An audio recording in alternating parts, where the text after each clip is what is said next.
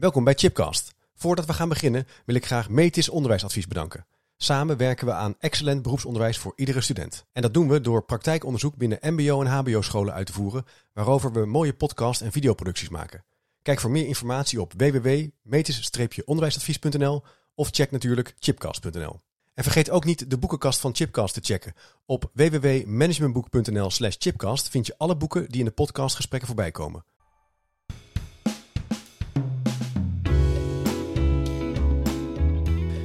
Welkom bij een nieuwe aflevering van Chipcast. En deze podcast is ontwikkeld in samenwerking met Metis Onderwijsadvies. En dit is een speciale editie van Chipcast, want het MBO-onderwijs staat centraal. We gaan uit de studio en naar de werkomgeving van studenten, scholen en het werkveld. Op reis dus. En vandaag ben ik samen met mede-podcastmaker Floor van Venrooy naar het puntje van Nederland gereisd. Nou ja, bijna puntje, wel naar Leeuwarden. Hallo. Yes. Ja, leuk. Leuk Floor. Ja, de derde podcast. We zijn te gast nog steeds bij Friese Poort. Een ROC-instelling in het noorden van Nederland. En Friese Poort geeft beroepsonderwijs aan ongeveer 15.000 studenten. Ook voor bedrijven en instellingen. En Friese Poort is een christelijk ROC. En voelt zich vanuit een lange traditie sterk betrokken bij studenten en partners. De ontwikkeling van studenten staat dan ook hoog in het vaandel. Daar zijn ze ook wel bekend mee, durf ik te zeggen. En dat doen ze onder meer vanuit vestigingen in Dokkum, Drachten, Emmeloord, Sneek en Urk. En natuurlijk ook in Leeuwarden, want daar zijn we nu. Um, nou ja, wat voor opleiding hebben we dan over? Ja, ik ga ze toch even herhalen. Ik vind ze ook gewoon echt leuk om even te noemen. Je kunt leren om kok te worden, technisch engineer, servicemedewerker, medewerker maritieme techniek, onderofficier grondoptreden, waterbouwer of elektrotechnicus. Kortom, je kan heel veel doen hier. Maar we gaan het vandaag hebben over digitalisering. Hoe begeleid je als school studenten in de digitale wereld? En positief gezien, hoe zet je digitalisering in op een goede en verantwoorde wijze? En we gaan het met name hebben over het digitaal moreel kompas. Um, Frieseport loopt daarin voorop in Nederland. Ze hebben een practor, die zit ook bij mij aan tafel. Die ga ik zo introduceren. Renze, superleuk dat je er bent. Uh, mede vormgegeven, deze, dit drie luik. Dus uh, in die zin zijn we al een tijdje met elkaar aan het optrekken. Um, en uh, dit is het derde deel van de podcast. We hebben eerst als eerste deel met studenten hier gesproken. Het waren studenten van, van Harry, die hier zijn, zijn les ja, een podcaststudio van heeft gemaakt. Inspirerende groep, toch? Heel leuk. Ja, met een club studenten om ons heen. Daarna hebben we met docenten gesproken over hoe je als docent omgaat met digitalisering. En nu gaan we als het ware ja, een, ronde erboven hangen. En gaan we stilstaan bij dat digitaal moreel kompas. Uh, en dat gaan we dus doen met Practor Renze Tjulker en Reinder Bakker. Reinder, leuk, uh, leuk hier, hier te zien. We hebben elkaar online eerder ontmoet in de voorbereiding, maar nu in real life. Voor degenen die jullie niet kennen, ga ik jullie even introduceren. Renze is dus Practor Digitale Weerbaarheid. En Reinder Bakker werkt als docent burgerschap vanaf 1985 bij Friese Poort. Nou ja, de voorlopers van Friese Poort zou je kunnen zeggen. Uh, vindt plaats bij de opleidingen tandarts en apothekerassistenten. Uh, opgeleid als docent geschiedenis, maatschappijleer aan de leraaropleiding in Leeuwarden en aansluitend een doctoraal gehaald in geschiedenis in Groningen. Um, je bent beleidsmedewerker identiteit. Je werkt mee aan projecten rondom brede vorming en ook voorzitter van de vakgroep. Nou, je doet allerlei andere dingen nog even, maar dat is even zo op hoofdlijnen jouw, jouw vakgebied. En we gaan dus het hebben over het digitaal moreel kompas. Renze, ja, een moreel kompas, dat, dat doet mij denken aan een soort eikpunt bij jezelf. Wat is nou het goede? Wat is het juiste? En dat koppel jij dus ook aan, aan digitalisering, hè? Ja, absoluut. Dat, dat zit ook in het uh, digitaal moreel kompas. Ja. Uh, er zit ook een begeleidingsethiek in.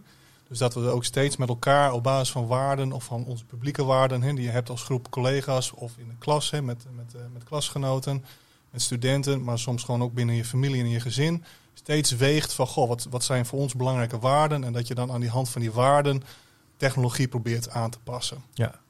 Dat is echt het stukje moreel dat we hebben ondergebracht in het digitaal moreel kompas. Dus daarmee gaan we ook iets verder dieper, het, je zou kunnen zeggen, de reflectie naar Floor. Ja. Van wat zijn eigenlijk de waarden die liggen onder, onder bijvoorbeeld docent en student als gelijkwaardig beschouwen in die digitale ontwikkeling? Ja, dat ze allebei wat te zeggen hebben. Ja, dat is natuurlijk ook wel spannend, want ja, die studenten moeten ook, ja, ik zeg, ik chargeer een beetje, moeten ook gewoon leren. Maar we komen daarmee in een soort evenwaardige relatie. Ja. Ja, op zich heeft het inderdaad twee kanten. Hè. Je hebt natuurlijk de deskundigheid van de, van de docent, maar ook vooral de deskundigheid van de student. Hè. Dat is natuurlijk een ervaringsdeskundige, hè, de student. Dus uh, wat dat betreft vind ik het ook prettig om heel veel uit de student te laten komen. Hè. Maar welke zaken komen ze tegen op internet? En wanneer trek je een lijn en wanneer zeg je van... Uh, dit kan wel, bij wijze van spreken. Hè. Dus ja. dan komt die ethische kant uh, daarbij om de hoek ja. te kijken. Bij ethiek, je zou denken, ethiek is een bijna voorbehouden aan universiteiten en geleerden die boeken schrijven. Maar eigenlijk plaatsen jullie dat dus in het hart van een, van een, van een school, van een, van een beroepsopleiding. Ja, absoluut. Ethiek kom je overal tegen. En uh, het zit eigenlijk in alledaagse dilemma's. Hè. We, ik, ik, heb natuurlijk ook de, de eerste twee gesprekken in de podcast ja, ja. bijgewoond. We hebben ook een aantal hele mooie dilemma's uh, gehoord, waar zowel studenten als docenten tegenaan lopen. En een van die dilemma's is natuurlijk smartphone gebruik in de klas. Uh, wel een smartphone in de klas of geen smartphone in de klas, hoe ga je daar nou mee om? En dat is natuurlijk ook wel een, in zekere zin een ethische vraagstuk. En um, uh, nou ja, ik vertelde net al over het digitaal moreel kompas. Daar zit inderdaad een stuk ethiek in, maar dat is geen ethiek uh, die je benadert vanuit een, een perspectief van goed of fout. Wij benaderen het veel meer vanuit het perspectief van, goh, hoe kun je nou op basis van waarden dus technologie zo vormgeven zodat het gewoon echt mensen helpt. Hm. Of misschien wel de technologie helpt. Dus niet een veroordelende technologie of ethiek van het is goed of fout, maar hoe kunnen we nu met elkaar komen tot een set van waarden of misschien wel afspraken, omgangsvormen of wat dan ook, die, uh, die, ja, die, die, ons helpt. Kan je een voorbeeld daarvan geven? Wat zou dan een, een, een waarde zijn die, uh, die dan centraal kan staan?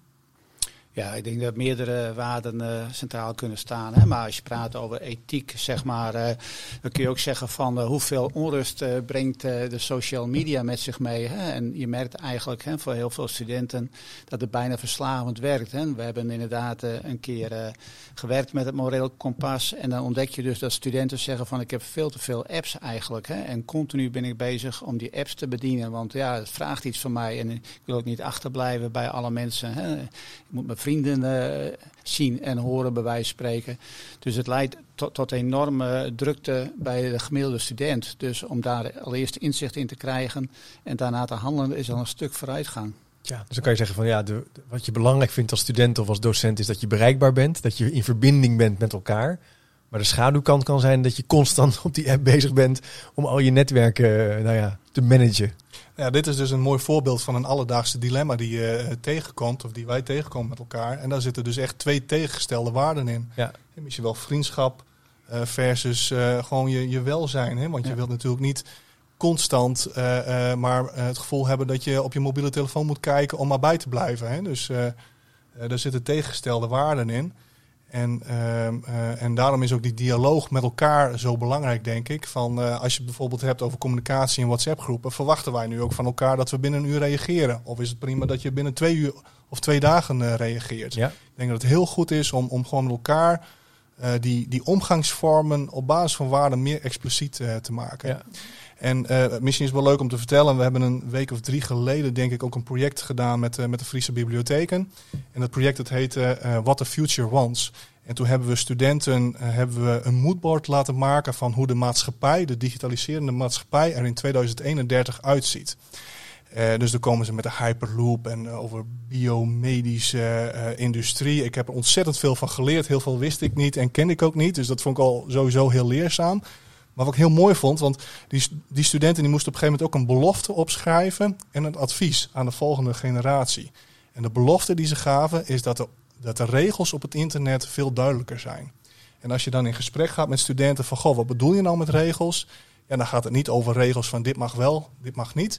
Maar dan gaat het echt over omgangsvormen. Van, goh, wat, wat vinden wij nou met elkaar goede omgangsvormen in WhatsApp-groepen, op, op fora, op social media platform en noem maar, op. En dat vond ik echt een heel mooi, mooi inzicht. En wat je, wat je ook bij het project zag, is dat, dat je dan ook eh, iets ziet ontstaan bij studenten. Dat ze van, van zeg maar gebruiker ook meer naar eigenaar gaan van het internet. Dat ze zich ook meer verantwoordelijk voelen. En ook meer naar de ander kijken. Meer met het welzijn van de ander bezig zijn. Dus ze, echt een, ze geven mede vorm aan, aan die internetomgeving. En, Ja. en, en dus komt er ook een roep, te, ontstaat er een soort vraag van wat zijn dan eigenlijk de afspraken hier? Hoe doen we dat met elkaar goed? Ja. Maar het mogen niet regeltjes zijn, maar meer, ze, ze willen er wel invloed op hebben. Die lijn Voor- is natuurlijk heel... Ja, die lijn is, ja, het mogen geen, Ja, ja. doe dit wel, doe dit niet.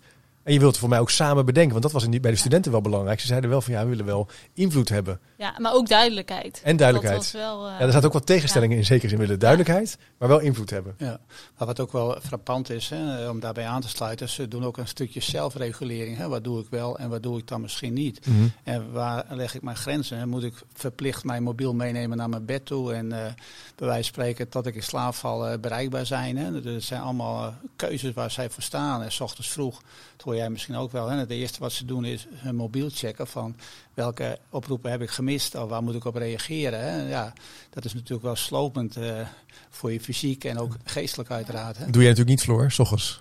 Nee, nooit.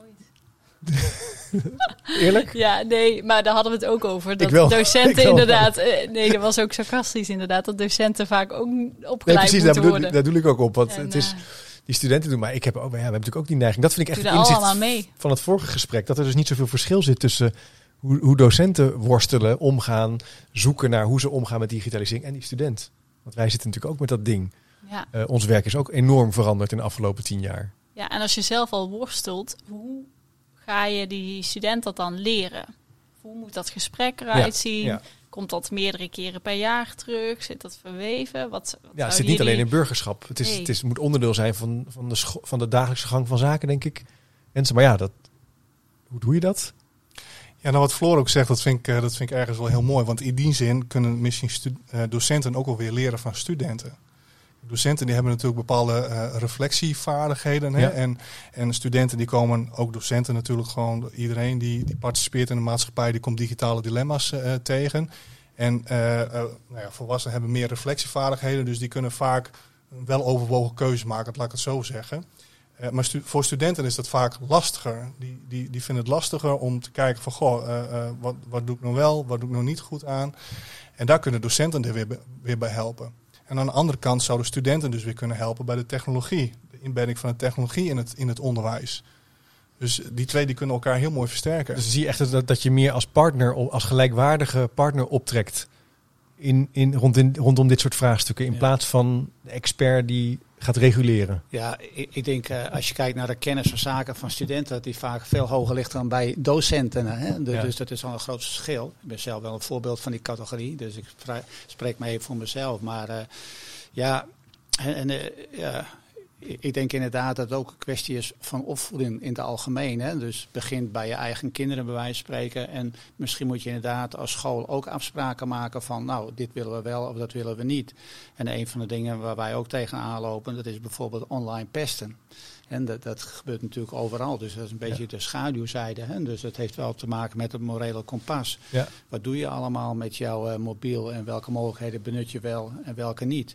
Dus dat is eh, ja, in dit geval hè, is het natuurlijk wel duidelijk welke keuze je moet maken, maar het is, zijn wel dilemma's. Hè?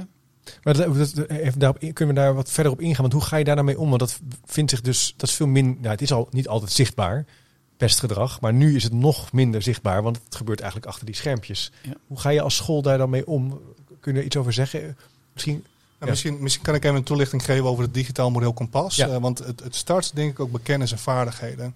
Kijk, als je kijkt naar het digitaal moreel kompas, dan hebben we daar twee dimensies in aangebracht. Dat is een didactische dimensie en dat is een pedagogische dimensie. Die didactische dimensie gaat echt over kennis en vaardigheden. En die pedagogische dimensie gaat over de vraag hoe we met elkaar willen samenleven in een digitaliserende samenleving, in een digitale wereld. Als je kijkt naar die eh, didactische dimensie, dan bestaat die weer uit drie bouwstenen. Eh, digitale soevereiniteit, digitale veiligheid en digitale gezondheid. En een van de onderdelen, nou, Reinder die geeft het ook heel mooi aan, is natuurlijk ook sociale veiligheid. Hè? Hoe participeren we met elkaar bijvoorbeeld in WhatsApp-groepen? Wat doe je wel, wat doe je niet? Hoe geef je je grenzen aan? Dat heeft ook met sociale veiligheid te maken. Eh, dat hebben we ook als leeruitkomst ondergebracht in de bouwsteen digitale gezondheid. En eh, dat is natuurlijk iets wat je in een klas kunt behandelen en bespreken met elkaar, maar ook kennis en vaardigheden. Dus dat je gewoon ook weet dat je ook grenzen kunt stellen, ook in WhatsApp-groepen of op, op Facebook of op Instagram, noem maar, maar op. Eh, dat is gewoon goed om te weten. Klein voorbeeldje, we hebben laatst een onderzoek gedaan bij een, een klas studenten. Er zaten met name dames in. En daaruit bleek dat 80% van de dames regelmatig dickpics krijgen toegestuurd. Ja, en eh, eh, ik, ik zat er samen met een collega en toen zijn we het gesprek met die klas aangegaan. Tenminste, dat hebben we geprobeerd. Maar aanvankelijk hadden die, hadden die studenten, die dames, zoiets van ja, wat bemoei je je mee? En, en waarom wil je dat weten? En, en, en hoezo Oh ja. dan? Dus het leek in feite wel een, een nieuw normaal te zijn. Maar als je dan toch een beetje doorvraagt van, maar goh, wat, wat vind je daar nou echt van? En vind je dat nou prettig of onprettig? Wat vind je daar nou van? Als je dan nou ja, in dialoog komt, in gesprek komt, ja, dan geven ze eigenlijk allemaal aan van nee, dat vinden we helemaal niet prettig.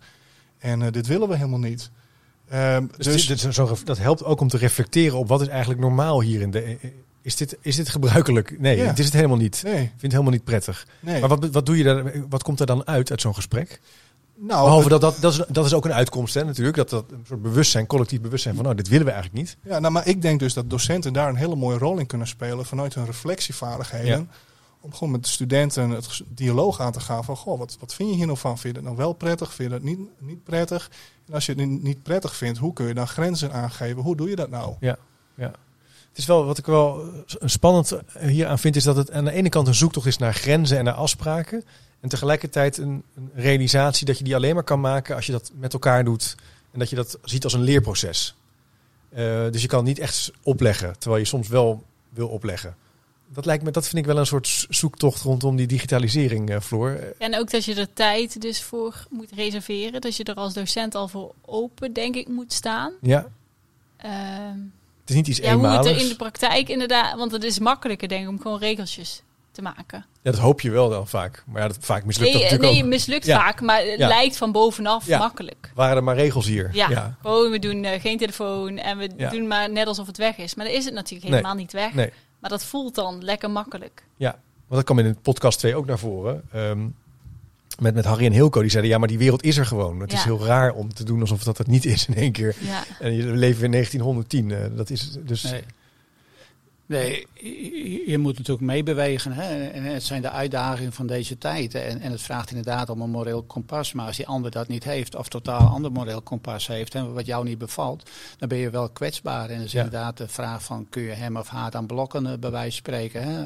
Online pestgedrag en, en dit soort eh, opmerkingen. Hè? Ja. vervelende foto's die je krijgt toegezonden. Dus heel moeilijk te, te blokken. En de andere kant is natuurlijk ook, eh, heel veel studenten willen ook niks missen. Hè? Dus, eh dus ook weer het lastige. Dus Ja. je stelt je ook bijzonder open. Maar daarmee verhoog je ook je eigen kwetsbaarheid.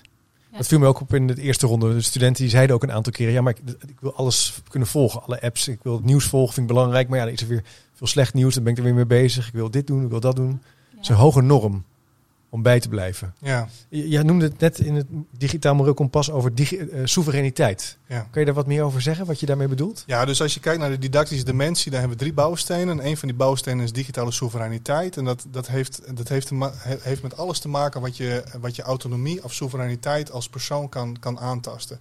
Soevereiniteit is natuurlijk een complex woord. Hè, en het wordt ook wel vaak gebruikt in de context van landen die soeverein zijn. Of, of eh, bijvoorbeeld een Europese Unie die soeverein is. Maar je hebt ook je eigen persoonlijke soevereiniteit. En eh, wij hebben dat verwoord in leeruitkomsten, zodat het gewoon ook echt eh, nou ja, in die zin praktisch toepasbaar is in het onderwijs. En waar je dan aan moet denken is bijvoorbeeld de impact van algoritmes op alledaagse keuzes die je maakt. Dus, dus dat is eentje. Maar er zit ook. Wacht even, laten we die even bij de kop pakken. Wat, geef eens een voorbeeld. Wat, wat, wat is dat dan? Dat YouTube bijvoorbeeld jouw eh, fake news, eh, of nou ja, berichtjes laat zien die misschien niet helemaal zuivere koffie zijn. Nou ja, we kennen natuurlijk de filterbubbel. Hè. We zitten allemaal in een, in een bepaalde filterbubbel. en het is goed om, om daar bewust van te zijn. Hè. Dus dat die filterbubbel er is. Denk maar bijvoorbeeld aan verkiezingstijd. Hè. In februari, maart zijn we weer naar de stembus geweest. Nou, als je in de voorbereiding naar de verkiezing je oriënteert op een politieke partij. Eh, en je lijkt een keer een filmpje van GroenLinks of een andere politieke partij. Ja, wat het algoritme dan doet, is steeds meer van hetzelfde laten zien. Omdat het algoritme denkt dat je dit interessant vindt. Ja.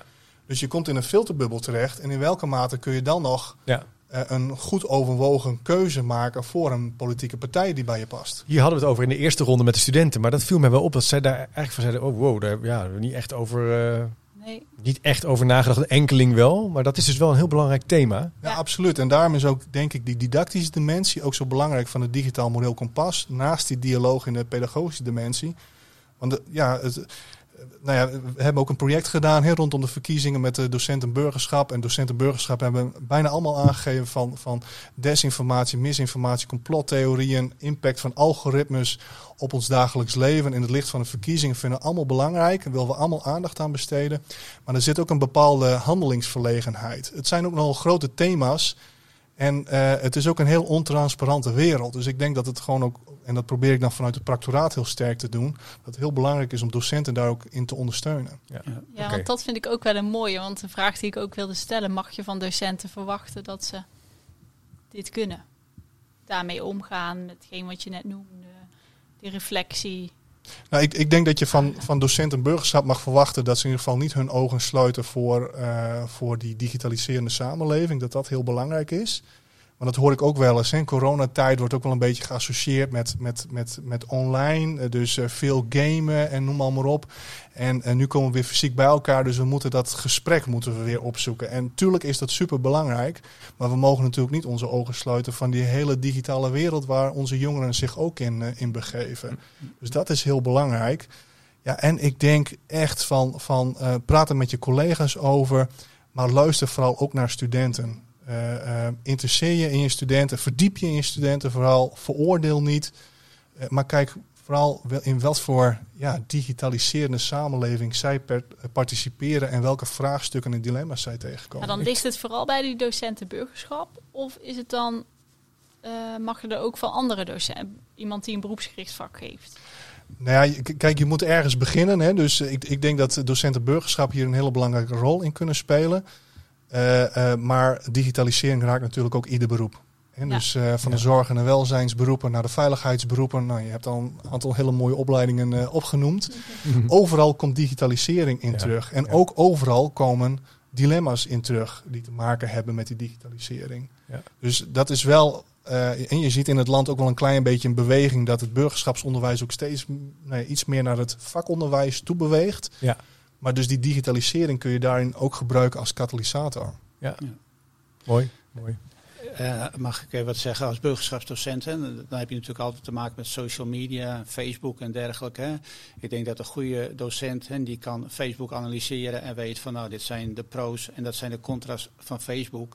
En het geldt natuurlijk voor alle aspecten. Hè. Ook als je kijkt, hè, wat jij net een beetje aangaf van, je bent consument, dus je, je klikt op een bepaald iets en opeens krijg je continu weer die pop-ups van, uh, wil je dat wel kopen of niet. Hè. Dus daar probeer je wel uh, de hm. studenten bewust van te maken. En het is natuurlijk uiteindelijk aan de student om dat wel of niet door te hebben. Als jij je door alle impulsen laat leiden, wat meestal natuurlijk niet zo is. Maar dan ben je bijna het slachtoffer van uh, digitalisering. Maar je probeert wel eh, als uh, docent burgerschap bewustwording te creëren bij je studenten. Hè? Dat je ze waakzaam maakt en alert maakt. Hè? ook kritisch consumeren komt dan eigenlijk weer terug. Hè? Wat een aspect is van, van burgerschap.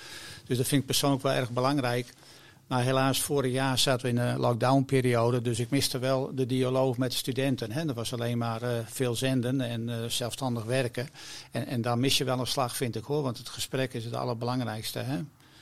Ja, dat blijkt, dat is ook iets wat ik echt onthoud uit deze drie, uit de drie luik. Hoe graag de studenten, maar ook de docenten elkaar zien, elkaar ontmoeten. Ik merk het zelf ook als docent. Hoe, hoe ja, ik, ik, laat ik niet voor mezelf, ik kan meer in het echt dan online. En je bereikt ook gewoon meer qua interactie en diepgang. En ook ontmoeting, wat ook natuurlijk een menselijke drijfveer is. Hè. Je wil graag bij elkaar zijn en uh, ja, met elkaar een mooie tijd hebben. Ja, maar dat, um, uh, ja, die studenten die, die, die moeten wel veel. Hè. Dat is toch wel een punt van, hè, is behalve ze vak leren. Uh, ik wil niet zeggen ze moeten filosoof worden, maar ze moeten zich willen ook graag dat ze nadenken over wat is eigenlijk kennis, wat is eigenlijk consumeren, wat is eigenlijk goed burgerschap. Um, leggen we de lat niet te hoog voor die studenten? Of zeggen jullie van nou, eigenlijk helemaal niet.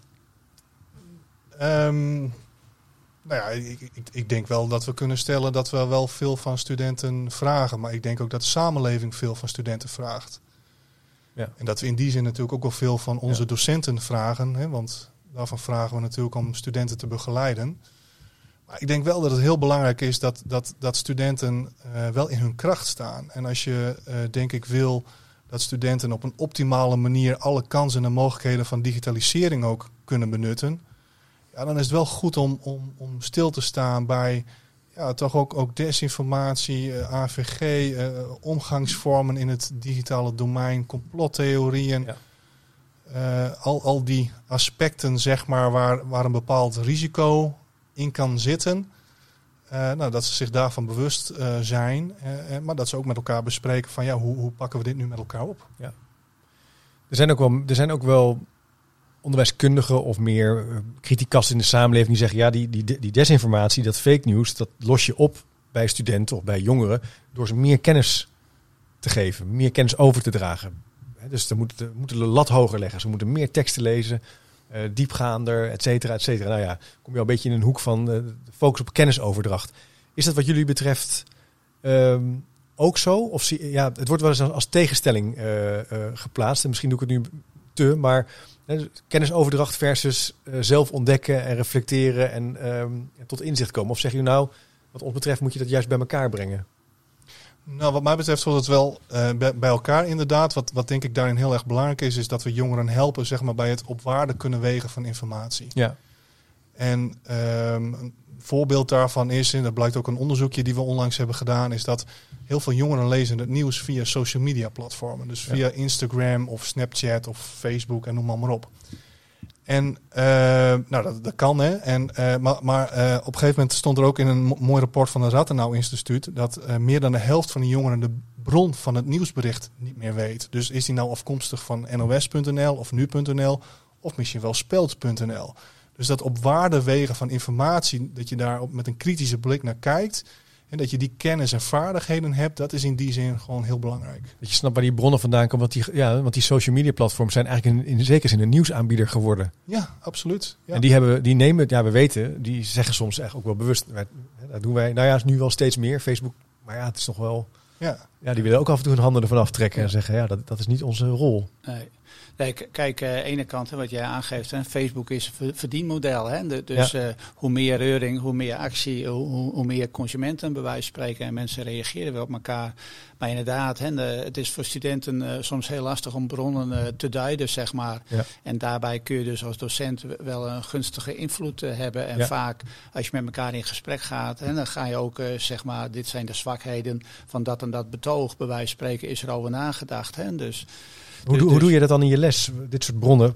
Behandel je dan echt letterlijk verschillende bronnen? Uh, nee, nee, hoe, hoe, hoe gaat dit het, het, het, is meer dat ik uh, vanuit uit mijn eigen kennisput bij wijze spreken. Hè, maar als je kijkt naar samensweringstheorieën, hè, je zou best uh, wetenschappelijk kunnen zeggen van dat klopt niet. Maar daarmee bereik je dus niet de studenten. Hè. Nee. Dus het is vooral de band met de student en ja. de docent wat ja. eventueel leidt tot verandering. Ja. En, en, zelfs dat is niet altijd het geval, nee. geval. Maar het gesprek erover zet wel aan tot nadenken. Hè. En, en dat vind ik dan het hele positieve. En eh, van huis uit merk je wel, hè, de, bedoel in de opvoeding of in de gesprekken thuis, vindt het veel minder plaats. En vroeger had je veel meer het gesprek aan tafel van, ja. uh, hey, wat gebeurt er in Den Haag, wat gebeurt er in de wereld. En nu is iedereen meer met zichzelf bezig, en dus ja. meer als individu bezig. er is natuurlijk ook wel een, een, zorgelijke trend bezig, maar goed, een klein uitstapje naar dat heel veel mensen geen vertrouwen meer hebben in politiek of in nieuwszenders. In Amerika is het volgens mij twee derde van de mensen vertrouwt niet de grote nieuwszenders.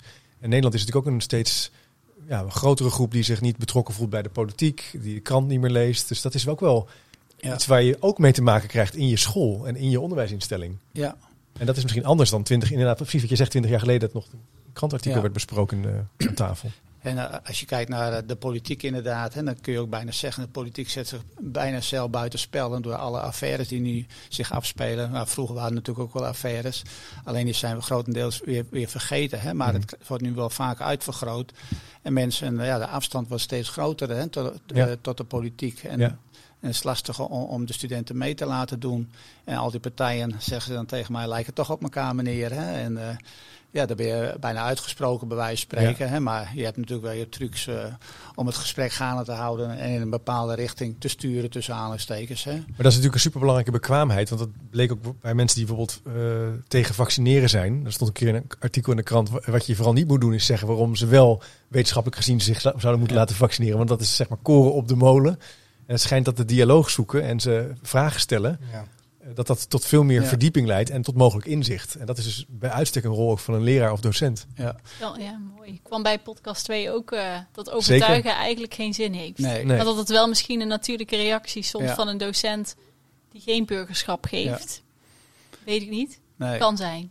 Nee, kijk, ik heb ook wel eens een cursus gevolgd, het moeilijke gesprek aangaan. Hè. Dat is best wel lastig natuurlijk, het ja, moeilijke gesprek. Ja. Maar inderdaad, als zij een bepaalde overtuiging hebben, dan overtuig jij ze daar niet van. Ook al heb je hele goede feiten op een rijtje en dat maakt niks uit. Maar het is vaak, de bron is die betrouwbaar. Hè. Als jij consistent bent in jouw verhaal als docent, zeg maar, dan bereik je meer dan wanneer je zegt van jongens, ik heb tien feiten op een rijtje ja. waardoor ik toch gelijk heb.